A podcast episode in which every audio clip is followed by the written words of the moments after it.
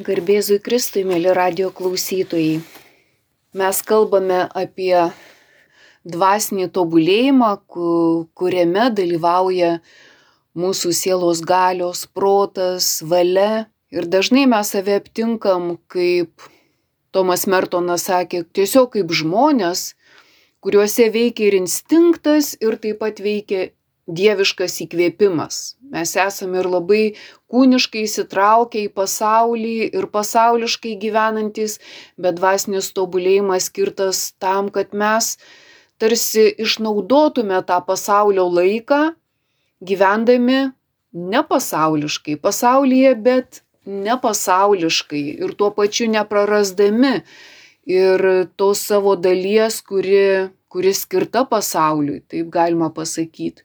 Kai mes jau praeitą kartą minėjom lekcijų divyną, tokią maldos formą, kuri savyje turi dvi tokias ryškias dalis. Aišku, yra oracijo, kaip, sakykime, to žemiško žmogaus atsivėrimas dieviškumui.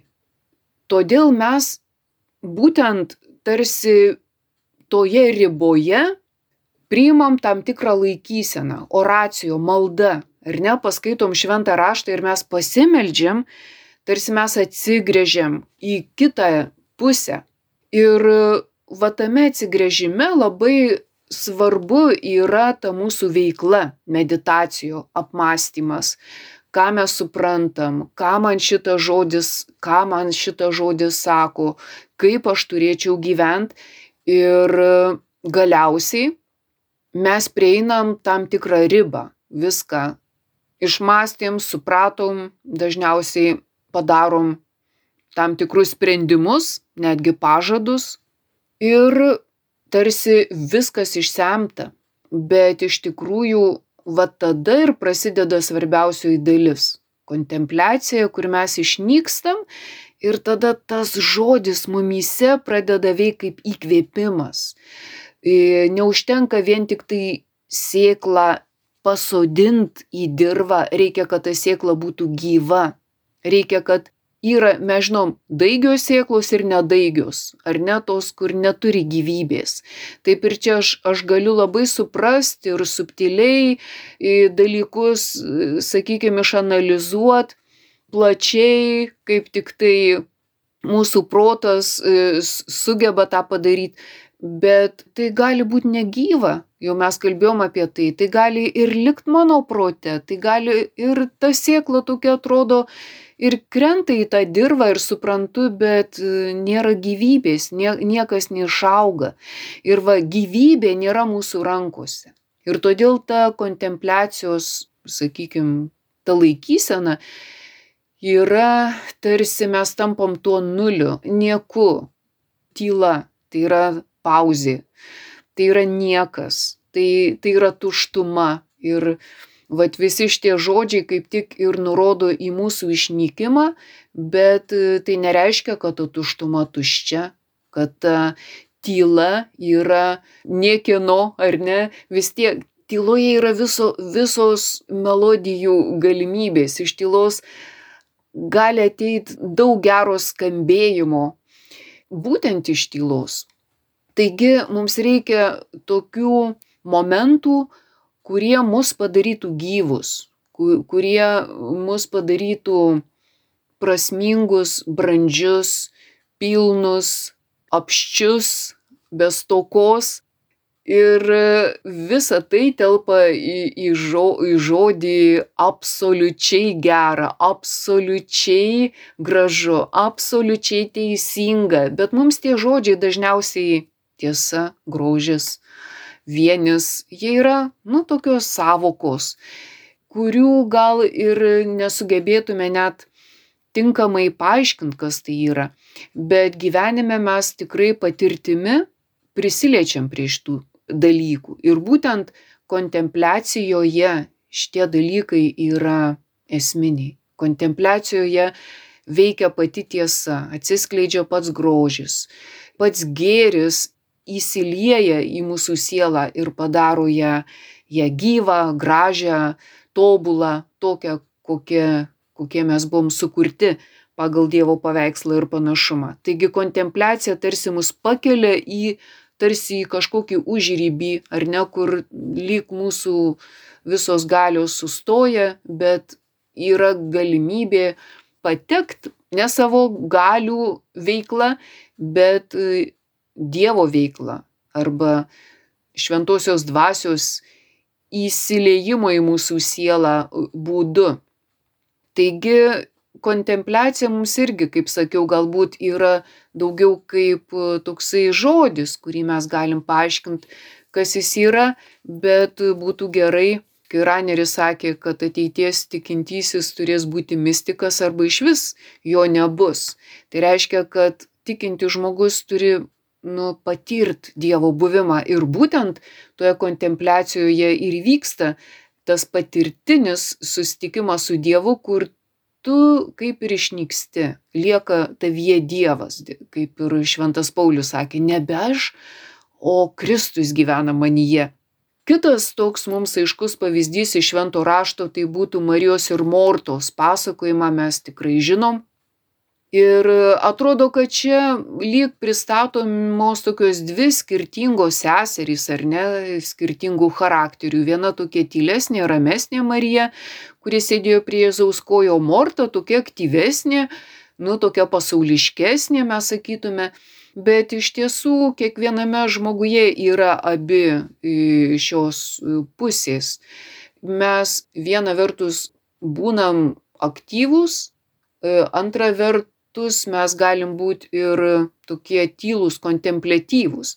Tai va šitoje vietoje kaip tik ir, ir yra vėlgi kalbant, ką jau minėjau, lekcijoje divina, tas e, dvi, sakykime, laikysenas paminėjus, kasgi yra e, meditacijoje kaip mano veikla ir kontempliacijoje kaip mano pasyvumas, taip sakytume.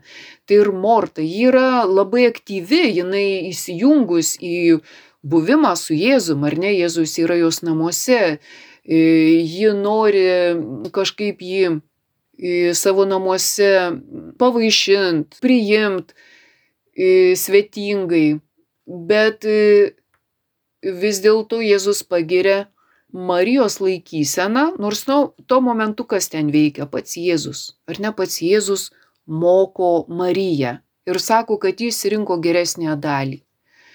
Kitaip tariant, kad va ta kontemplatyvioji dalis, ji yra svarbesnė. Ji yra tai, kas suteikia tą skonį mūsų gyvenimui, tą pilnatvę, prasme, kad būtent be tos pusės nebūtų teisingo veikimo, dėl ko Jėzus du kart kreipėsi į Mortą. Morta, Morta, tu rūpinėsi daugeliu dalykų, reikia tik vieno. Marija išsirinko geriausiąją dalį. Tai šioje vietoje mes matom, kad Jėzus kreipiasi į tas dvi mortas, ar ne? Morta, tu dabar esi labai aktyvi, pasauliškai aktyvi, bet tau dabar reikia tiesiog atsigręžti į kitą pusę, būtent įgyti tą Marijos laikyseną. O Marija, kuri dabar yra toje kontempliacijos, sakykime, būsenoje, ji sugrįš į tą aktyvų gyvenimą, bet tas aktyvus gyvenimas bus kitokios kokybės, ne, negu jis buvo prieš tai. Taigi šventas Grigalius Nazenzietis, kalbėdamas apie dvasinį žmogaus kelią, apie dvasinį tobulėjimą, jis sielą pavadina instrumentu. Ir sako, kad e, va tuo instrumentu turi groti šventoji dvasia. Ir jis sako, kai šventoji dvasia išgauna iš to instrumento sąskambius, melodijas, tai negali būti gražesnės e, muzikos būtent už tą, ką gali sugrot mūsų siela šventoji dvasia. Ir, ir tada sako, kad kai groja šventoji dvasia, ji, ji tarsi vibruoja visomis žmogaus asmenybės galiomis ir tų galių niuansais. Ir, ir atsiranda ypatingi sąskambiai. Ir jis kalba būtent apie tą kontempliuotoją.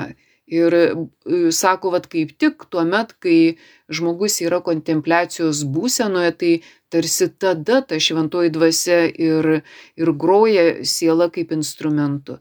Ir kągi, sako, tiesiog visos mūsų galios tada jos yra kaip to instrumento dalys. Kitaip tariant, tai yra sielos galios. Tai, sakykime, kiekvienas instrumentas turi, ar mes styginį įsivaizduotume, ar klavišinį, vis tiek turi stygas, ar neturi šventoji dvasia suderina ir mūsų protą, ir valią, ir jausmus, ir, ir, ir, ir tarsi mes tampam tą gražią harmoniją Bet e, Grigalis Nazienzietis kaip tik šitoje vietoje ir sako, kada siela yra suderinta, šventoji dvasia ateina į suderintą sielą. Ta prasme, kad taip, kai jinai gros, tai jinai užgaus tas reikalingas sielos stygas, bet e, jau prieš tai tas instrumentas turi būt paruoštas. Jis sako kad e, tos stygos turi būt nei nei pertemptos nei per daug atleistos. Mes žinom kai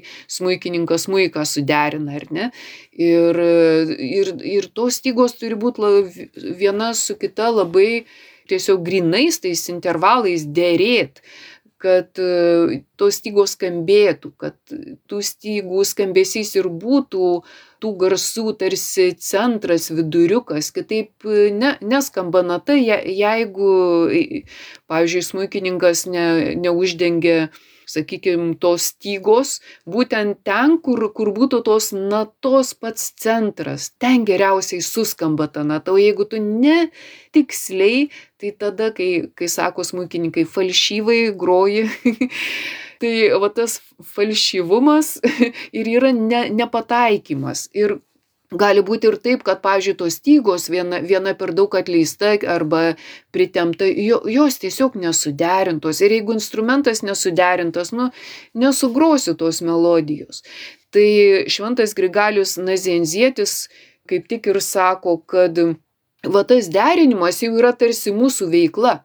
Ir mes žinom jau dažnai mano kartojama tą Platono pavyzdį, kad mūsų siela atrodo ar ne kaip tie du arkliai, kurie e, mūsų sieloje kaip tos dvi stiprios galios, kaip įniršis ir geismas mūsų sieloje tarsi tą sielą drasko į dvi skirtingas puses ir protas turėtų tą įniršį įvaldyt drąsos dorybę, o troškimus įvaldyt nuosaikumo dorybę. Ir tai protas įgauna išminties.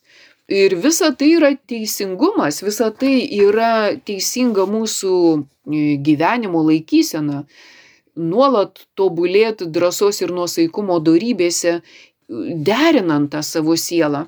Ir šitoje vietoje kaip tik ir šventas Grigalius Nazenzietis sako, kad netvarkingos aistros, netvarkingi potraukiai, mes prie jų priprantam, bet tai rodo tiesiog e, tą mūsų sielos, nu, vat, kaip nesuderinto instrumento būsena.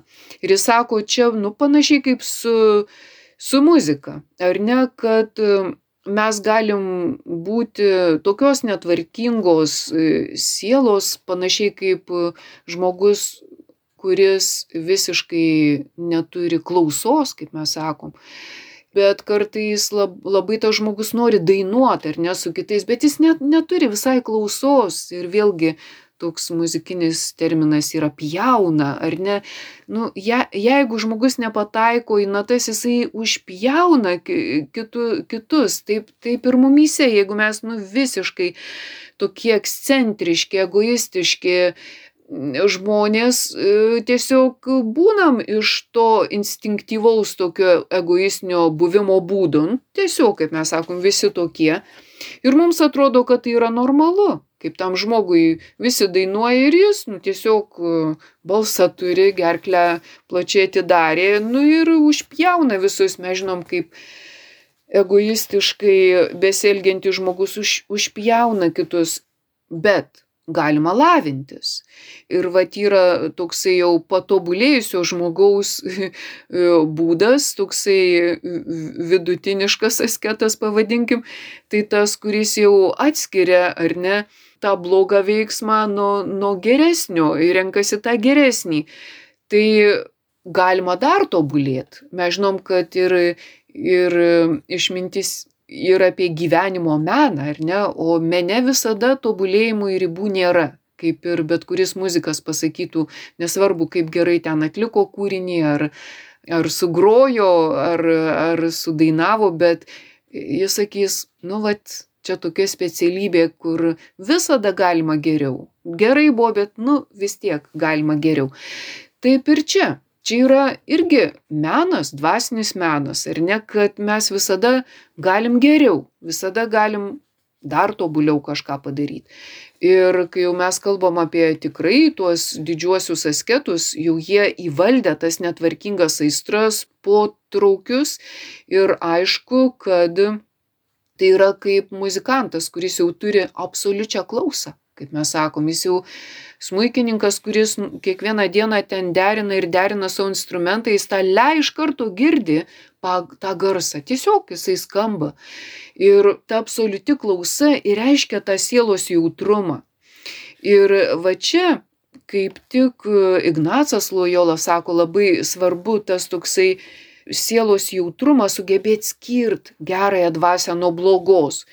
Tai mes galim išvis neturėt to jautrumo ir mums atrodys, kad mes, nu, kaip ir normaliai gyvenam, esam visiškai normalų žmonės, turim daug visokių instinktų, potraukių, įpročių ir viskas, laikas eina, gyvenimas bėga, bet nebus galima pakartot kaip muzikoje ir ne, ne koncerte irgi jau nekartoja vieną kartą, kai pagrojo, tai pagrojo. Taip ir mes, kad gyvenimas yra toks vienkartinis tiktai tie namų darbai gali būt kartojami.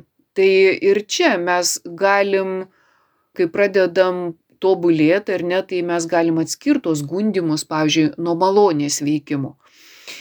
Bet va čia ir yra, kiek esam viduje harmoningi arba suderinti, kiek mus valdo tie instinktyvūs mūsų įpročiai, o kiek mes esam pažengę darybėse. Ir būtent tas tobulėjimas dorybėse ir moko mus siekti aukštesnių, sakykime, standartų. Taip kaip ir mes kiekvienas kažkiek einam, kažkiek judam, kai reikia iki autobuso kokio ir pabėgam keli žingsnius, bet nesame mes e, sportininkai. O būtent sportininkai, jie yra jau įvaldę tą meną. Taip, taip ir čia. Kad dorybės jos yra panašiai kaip mm, muzikų gyvenime, ar ne, kad visada jie tobulinasi tame atlikime, instrumento valdyme, sportininkai tobulėja, ar ne, kiekvieną savo srityje. Taip žmogus gyvendamas šitame, sakykime, pasaulyje ir šitame savo gyvenime, jis irgi turi tobulėti dvasiniu būdu. Ir mes matom, kad daugiausiai tobulumo pasiekiama būtent kontempliacijos e, šitoje pakopoje, bet iki jos dar reikia dagyvent, kaip sakytume, iki jos reikia dakilt, dabėgt ir, ir taip toliau. Kitaip tariant, e, ir žmogiškas būdas yra reikalingas, kad šventoji dvasia galėtų įliet į mus malonės, kad skambėtų ta dvasinė muzika mumyse. Vėlgi yra toks e, geras e, pavyzdys, kad kartais mes imamės patys ar ne atlik šventosios dvasios darbą. Ir čia būtų labai panašu, kad labai dažnai fortepijono derintojai yra tie žmonės, kurie turi gerą klausą, ar ne, paprastai jie turi absoliučią klausą, bet nebūtinai jie yra, e, sakykime, tobuli atlikėjai, sakykime, nebūtinai tas, kuris derina fortepijoną, jisai yra, nu, nežinau, fortepijono ten e, genijus, ar ne, atlikimo meistras. Jis tiesiog moka derinti. Ir šitoje vietoje mūsų užduotis yra e, būti tais derintojais ir ne užsimta darybių praktika. Bet mes kartais norim atlikti šventosios dvasios darbą. Kitaip tariant, e, tas fortepijono derintojas gali staiga įsivaizduoti, kad jis yra genijus ir tada, e, sakykime, pradėti grot fortepijonu, bet tas grojimas gali būti panašus labai į to žmogaus, kuris, nu, nėra grojęs, bet galvoja, kad labai lengva, ar ne, ir tada kažkaip ten daužo, ar ne, kažkaip tuos klavi, klavišus ten e, skambina, bet, bet nesigauna ta muzika. Tai va čia irgi yra svarbus dalykas ir kaip tik Tomas Mertonas pas, pastebi, čia tam tikras dvasinio tobulėjimo pinklės, tai pavadinkim, kad jeigu tas žmogus, kuriam reikėtų atlikti svarbiausiai tuos derinimo darbus, jeigu jisai galvoja, koks skirtumas, koks tas instrumentas ir nesvarbu grot, tai mes patys nebusim patenkinti tą muziką. Kitaip tariant, mes nesam to lygio, kad galėtume sugrot tokią muziką, kurią gali sugrot per mūsų šventoji dvasia. O tai reiškia, kad tuomet, kai mes priimam Dievo valią, tai tie dalykai gražiau sugroja mūsų gyvenime, negu mes užsispyrę, sakom, aš jau gana tobulas, ar ne, ir aš, nu, pats galiu čia e, pasirinkti, sugalvot, kaip šitoje situacijoje viskas e, turėtų atrodyt. Taigi yra tokia viena formulė, kad aš tobulėju, aš ir vadovauju, bet vis dėlto e, mes matom net iš to tokio iškaus lekcijų divina pavyzdžio, kad taip mes turim atskirti savo protų daugelį dalykų ir pasirinkti gerą valią daugelį dalykų, kaip e, tobulėjimą darybėse, bet mes esam tik instrumentai, pats instrumentas savim negroja, jo, jo turi kažkas sugrot. Ir va šitoj vietoj geriau atiduot, kad grotų šventoji dvasia, kaip tie, kurie pažengia dvasiniam tobulėjime kalbą, ne, ne mes patys. Kaip kryžiaus Jonas sako, taip netyčia, nežinodami, tiesiog mes, mes galim kažką netobulai e, padaryti, bet dėl ko labai svarbu vis išmintingėt. E, svarbu atskirti tuos dalykus, kaip mano gyvenime sugroja Dievo valia, šventoji dvasia, o kaip aš savo valia groju, kas iš to išeina. Ir vykdy Dievo valią, jau, jau irgi apie tai kalbėjom, reikalingas mano paklusnumas. Ne, ne mano iš įpročio va tas noras vadovauti ir viską pakreipti pagal savo valią, bet paklusnumas ir netgi vat šitą mokymosi tarpsnį kryžiaus Jonas vadina kūno naktimi, nes tai yra mūsų toks instinktyvus kūniškas įprotis visur vadovauti, visur e, pačiam žinot, ko tu trokšti arba ko tu nekenti, bet pagal Dievo valią netaip mes turim gyventi. Tai, ko nekenčiam, mes galim priimti. Kitaip tariant, tai, nuo ko bėgtume, mes galim nebėgti mes galim e, panaudot drąsos dorybę ir tiesiog priimt tą situaciją, kad ir kokia nemaloni. Arba ko mes labai labai trokštam, mes galim apseit be tų dalykų. Ir va tas nuosaikumas yra tokia sveika pozicija ir tada matai, kad labai gražiai tuose fragmentuose, kai tu esi nuosaikus arba drasus, kai priimi, kas tau nemalonu, kažkas labai gražiai sugroja, kad tos situacijos skamba visai kitaip, negu aš užsispyrusiai daryčiau, ko aš noriu, arba bjaurėčiausi, stumčiau ir bėgčiau nuo tų dalykų, kurie man nepatinka. Ir netgi išreikčiau, kai man nepatinka, arba kai, žodžiu, mes žinom tas situacijas. Tai va čia ir yra pagal kryžiaus Joną tas nuskaistinimas, kad, kada mes esam šitą naktimi nuskaistinami. Paklusnumas, nuolankumas, nusižeminimas yra nuskaistinimo rūšys, bet tai yra konkrečios situacijos, kur mes priimam jas. Va čia ir yra Dievo valia nebėgti, priimti. Bet mes savo protu ne šito savęs mokom. Ne. Mes savo protą įdarbinam ir sakom, čia yra blogai, čia yra ne pagal mane, šitas dalykas yra blogas, pavyzdžiui, ar ne? Tokia gyvenimo situacija vienatvė, ar ne esu vienas, esu vienišas, tai yra baisus dalykas. Psichologiškai e, žmonės išgyvena didžiausias traumas, ar ne? Aš esu vienišas, kaip man blogai, kodėl manęs niekas nemyli, kodėl, kodėl, kodėl kitiems sekas, kodėl man nesiseka. Ir čia mes matom, kad tas protas būtent ir yra va tas egocentriškas, kad aš nepriimu ir nepanaudoju kaip dovanos. Gal man Dievas duoda tą vienišumą kaip pačią geriausią mano gyvenimo dovaną. Aš ją galiu išnaudoti visai kitaip, jeigu aš ją priimu ir leidžiu šventai dvasiai sugrot melodijas, būtent to vienišo instrumento. Bet jeigu aš nevadinu, ar ne, kad čia ne pagal mane, tai yra taip baisu, tai yra taip liūdna, tai yra taip ne pagal mane. Ir mes matom, kad protas veikia iš tokios inercijos labai egocentriškai. Mes duodam vardus, ar ne Dievas ir sakė, taip, duokit viskam pavadinimus, bet ar verta, ar verta neprimtos situacijos ir pradėti vadinti dalykus, kurie neutralūs, atstumiančiais kažkokiais vardais. Pavyzdžiui, sakyti, u, ne, ne, čia man nepatinka, ne, ne, ne. O kodėl? O jeigu aš nesakysiu nepatinka, kai viena tikrai jau tokia patyrus bėgikė sakė, kai labai labai sunku, aš pradedu šypsotis ir mano smegenys nesupranta, galvoja, kad man labai gerai ir man tikrai palengvėja. Tai ir čia mes kartais patys savo įsikalam į galvas ir galvom, kad čia, nu, kad čia taip reikia elgtis. Bet dažniausiai mes tą proto galę, nu, ne, netinkamai naudojam. Ne tam, kad savo daugiau ramybės atneštume, bet priešingai, daugiau sumaišties. Ir kad mūsų protas išmoktų priimti, tai čia reikalinga labai ilga praktika tikrai.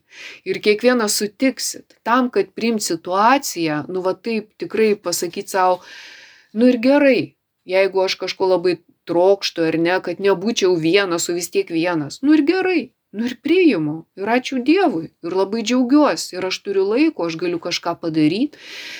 Arba vėlgi į tą pačią situaciją žiūrėti, iš kurios aš norėčiau pabėgti, bet nebėgu.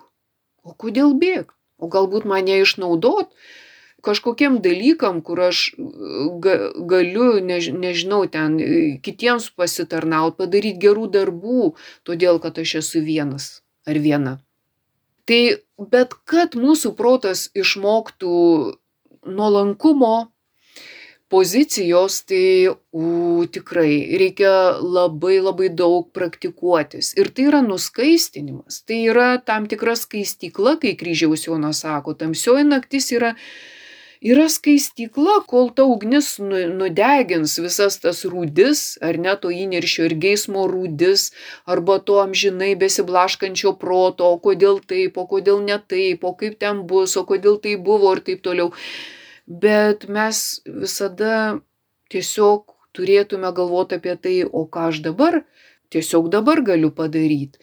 Ir tada vėl tas protas blaškos, jau gal daryti taip, o gal kitaip. Ir tu vis tiek turi kažkaip ramiai pasirinkti kažką tikro, kažkokį vieną dalyką, ką tu dabar, va šitame viename laike, šitoje dabartyje ir atliksi. Ir kiek mes daug nepadarom, bet kiek mes daug galvojam, ar ne, apie dalykus vietoj to, kad mes paimtume ir paprasčiausiai kažką padarytume. Bet kai mes pradedam daryti, protas kažkaip nusiramina.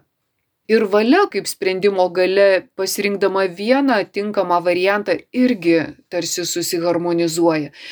Tai mums šitoje praktikoje kaip tik reikia užsimti tuo sielos derinimo darbu. Ne, negalvot, kaip aš čia atrodysiu, kokią melodiją sugrosiu, ne. Kaip man suderint e, tą savo vidų, ne kaip mano ta ten reputacija kitų akise atrodys, bet iš tiesų, koks aš esu dabar, atlikdamas va šitą konkretų veiksmą konkrečioj situacijoj, pasirinkdamas tą tikrą dorybę, tą tikrą dalyką, kurį aš tikrai atliksiu Tomas Mertonas vėl pastebi vieną labai svarbų dalyką, kur mes irgi labai dažnai suklystam, kad kartais mes pasirenkam vien pasyvę laikyseną, o visada, kaip Tomas Mertonas sako, kontempliacija ne, ne, ne visą laiką tęsiasi, ar ne, yra ir meditacijos ta būsena, kitaip tariant, jos, jos keičiasi, jos yra persipynę. Kitaip tariant, mes negalim pasirinkti tik vienos pusės. Sakykime, nu ir gerai, jeigu jau čia taip klystu, tai dabar viskas, nustoju gyventi, nu, bet nie, nieko iš vis nedarau, nei galvoju, nei, nei jausmų, nei valios, nei proto, iš tikrųjų tai būtų labai įdomu, ar ne, jeigu mes taip sugebėtume savį e, nutildyti visą šitą veiklą. Tikrai blogiau nebūtų, bet kartais e, taip atsitinka ne tuo pozityviu būdu, kad aš esu toks tylus, kad man jie nutilę, sakykime, mano galios dažnai būna kad aš esu toks susirgęs ar net tokioj depresijoj kad aš jau negyvenu ir tai nėra tas pats. Kai aš sergu tai liga mane kankina. Ir tomas mertonas sako kad kartais taip atsitinka kad žmogus nu tiesiog kaip kokioj ligoj atrodo kad jis atsidavęs dievo valiai bet ne jis tiesiog yra čia panašiai kaip dykumų tėvai vadino akedija, ar ne, kai žmogus ir kūno sunkus, ir savo siela visiškai tingus, ir viskas. Jisai, kaip dykumų tėvai sako, į tokį žmogų gali atkeliauti visos piktos dvasios. Jis tam pasiruošęs.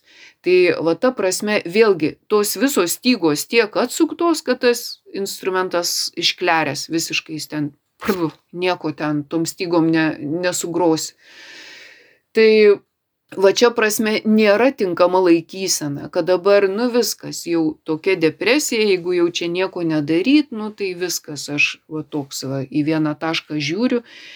Tomas Mertonas sako, ne, tai nėra geras dalykas. Kaip nėra geras dalykas ne savo darbą dirbti, o šventos dvasios gal aš ir galiu kažką padaryti visai protingai nusprendęs, nu, ta prasme, kai aš labai esu aktyvus, ar ne? Bet pastebėkim ir šitą momente tokį mažą, bet svarbų niuansą. Kai aš pats darau protingai, nu, neblogai tai gali išeiti.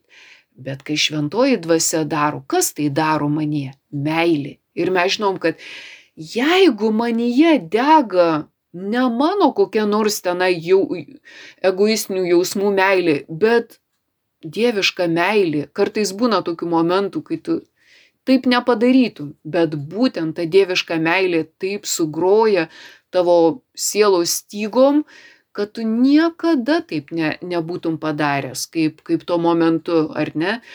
Ir kažkas ten lyg pasinaudodamas tavim kaip įrankiu, vat tai tai tikrai mes laikom gyvenimo įvykiu jeigu taip įvyksta. Ir tai ne todėl kad mes darėm o todėl kad mes atidavėm tas vadeles kaip praeitą kartą kalbėjom dievui. Tai jo valia išsipildė mano gyvenime. Tai tokia muzika suskambėjo kurios niekada nebūčiau pats nei sukūręs nei sugrojęs nes šventoji dvasia ir yra ta kūrėja ir atlikėja tai va čia ir yra ta tikroji vertė kaip ir tomas mertonas sako mes galim kaž kartais savy išprovokuot potyrius ar ne? Mes esam nu tokie vat kūniški kad kartais ir dvasiniuose dalykuose kaip jis sako galim užsiž užsižaisti ieškodami tokių potyrių.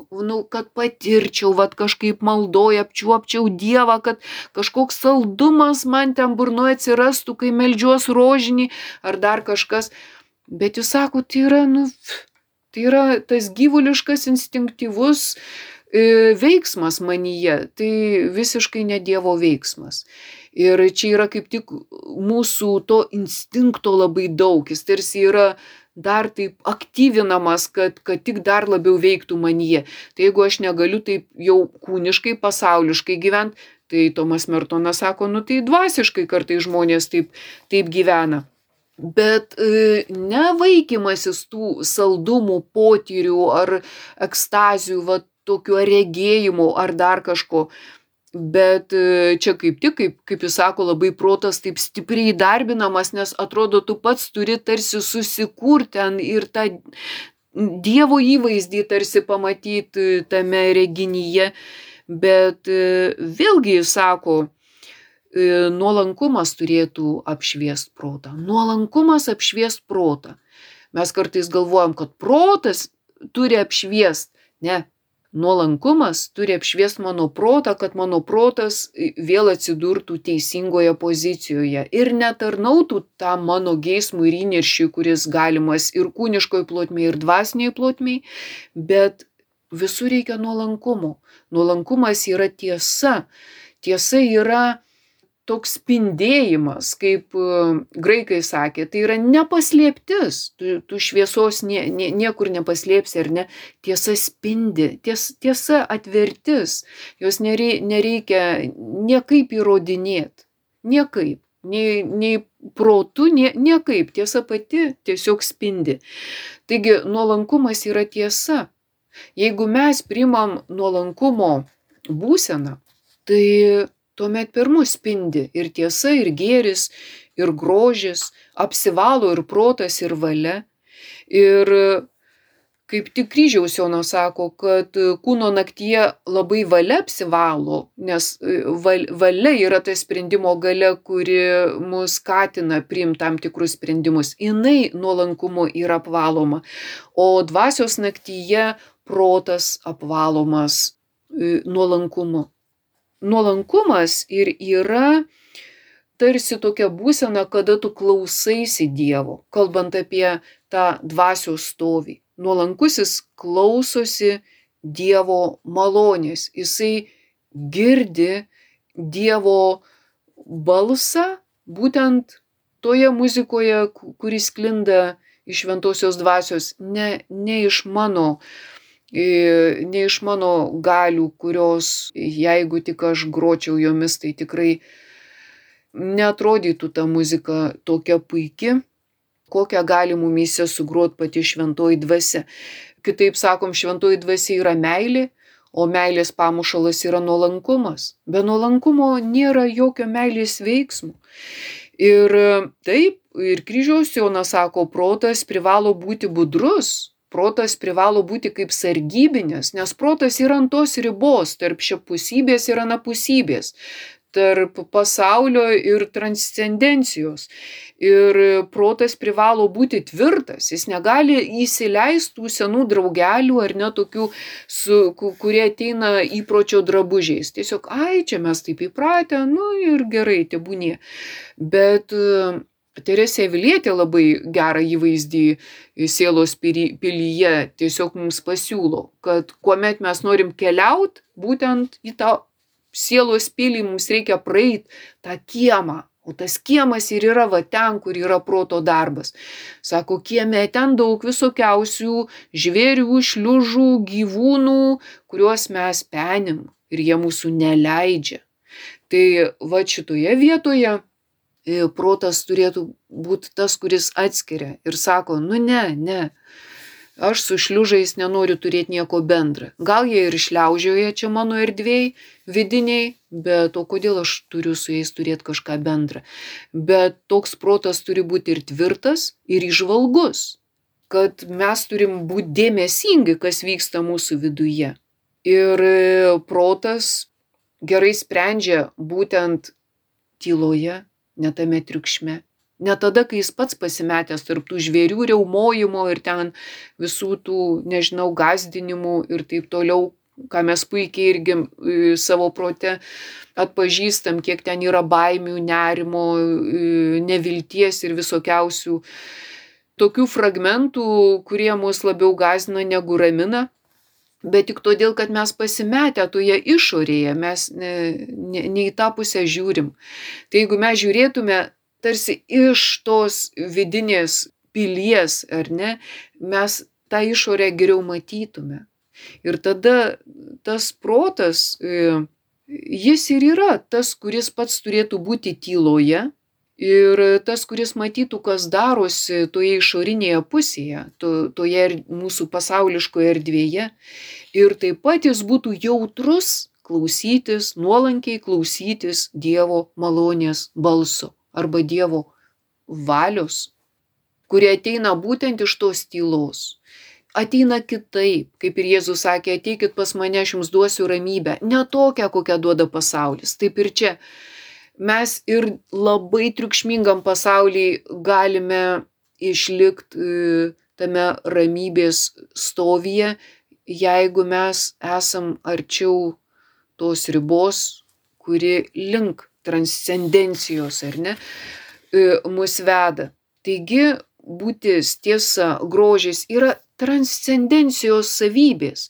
Ir mes dėl ko mes šitų dalykų nesuprantam, todėl kad mes esam visiškai šitos laikinybės zonoje, visiškai pranykę, čia kur veikia mus instinktai, čia kur tiesiog kūniškumas mus verčia gyventi tokį labiau gyvulišką gyvenimo būdą ne, negu žmogišką. Nes, kaip Šalkauskis sakė, reikia iš žmogaus daryti angelą, tada jis taps e, žmogum. Tai, tai ir čia mes turėtume labiau save vesti į tą transcendencijos link pusę per vidinės drausmės praktiką, per maldos praktiką. Būtent galim pastebėti, kad piktasis šiais laikais labiausiai ir veikia tokiu būdu Jisai nebūtinai tau sakys, eik ir nužudyk žmogų. Nebūtinai. Nebūtinai sakys, eik ir pradėk gerti narkotikus, jeigu tu jų negeri. Arba eik ir tapk alkoholiku, jeigu tu ne alkoholikas. Nebūtinai. Bet jis tau gali sakyti, tu neturi laiko, kam tau čia šiandien melstis. Kam čia tau ta vidinė drausmė? Būk normaliu žmogumgi tu turi ten įvairiausių troškimų, daryk, ką nori, elkis kaip patinka, kam ta drausmė, jis tau gali tik tiek pasakyti, nu, kam tau to reikia, kam to dvasinio tobulėjimo. Ir to užteks, kad tu nukeliautum ten, kur nenorėtum, kad būtum nukeliavęs. Tai šia prasme kiekvienas turbūt protingas žmogus, jis supranta, kad reikia tos dvasinės veiklos. Ir vis dėlto toje dvasinėje veikloje ne, ne, nu, nėra tai, ką mes patys galim pasigaminti, ką mes čia šiandien kalbam. Ir dėl to žmogui reikia įgyti tą vidinę įžvalgą arba tą vidinę intuiciją, Dievo suvokimo intuiciją, ne, ne tą tokio loginio proto paaiškinimo, kas yra Dievas, mes niekada to nepaaiškinsim, bet mes galim išvystyti tą jautrumą, mes galim tą vidinę dvasinę klausą gerint, jeigu mes tą darysim dažnai, Ar ne, jeigu praktikuosimės, derinsim savo sielos instrumentus, e, darybių e, praktiką, maldos praktiką, tada galbūt ne tik ta kūniška tuštybė mus apleis, bet ir ta dvasinė tuštybė. Arba kitaip tariant, mes pradėsim matyti tuos tuščius dalykus, kurie mums patiems nepatiks. Ka, nu kam jie reikalingi? Kam mes prie jų prisirišę? Askezė ir yra atpažinimas dalykų, kurie nereikalingi ir tiesiog išmetimas iš, iš savo vidaus, iš savo gyvenimo arba dėmesio nesutelkimas į juos, nes kur mūsų dėmesys ten ir mūsų ta gyvenimo energija teka. Taigi mums nereikia siekti kažkokių ten nepaprastų, antgamtiškų, ypatingų, stebuklingų dalykų, bet e, mums tikrai reikia įgyti tą e, kontempliacinę įžvalgą, kontempliacinę laikyseną, kada mes nuolankumo būdu galim nusinulint, užleisdami vietą Dievui savo gyvenime. Ir kuo mes dažniau tai padarysim, kiekvienam savo atskiram fragmente, nuo ryto iki vakaro, arba bent dienos bėgyje keletą kartų, kiek, kiek mes praktikuosimės e, būtent išmokti situacijose galutinį žodį atiduot Dievui, kad Dievo valia dabar išsipildytų. Ne mano troškimas, ne mano įniršis. Tebūnie tai užsikūrė manį kaip instinktas, bet galiausiai vis tiek sakau, šitame dalyke ne mano įniršis, ne mano geismas tegu nugali, bet Dieve tavo valia, nes niekas pasaulyje daugiau nepadaro žalos negu mes, kurie gyvenam tuo įniršiu ir geismu ir net nepastebim, kad mus valdo tos neprotingos galios. Tai vad kryžiaus Jono doktrina, kuri kalba apie naktis, apie kūno naktį, apie dvasinę naktį, iš tikrųjų tai moko mus leišventai dvasiai grot mūsų sielomis kaip tais instrumentais, kuriuos vis dėlto reikia suderint. Ir čia jau reikia ir mūsų pastangų, kad mes taptume išvalgesni, kad mes praktikuotumės dorybėse ir kad mūsų, sakykime, protą maitintų tikėjimas, o mūsų valią maitintų meilė. Tuomet tikrai vilties niekada ir niekur nepritruks. Ačiū uždėmesį. Su Dievu. Kalbėjo daktarė Bronė Gudaitytė. Likite su Marijos radiju.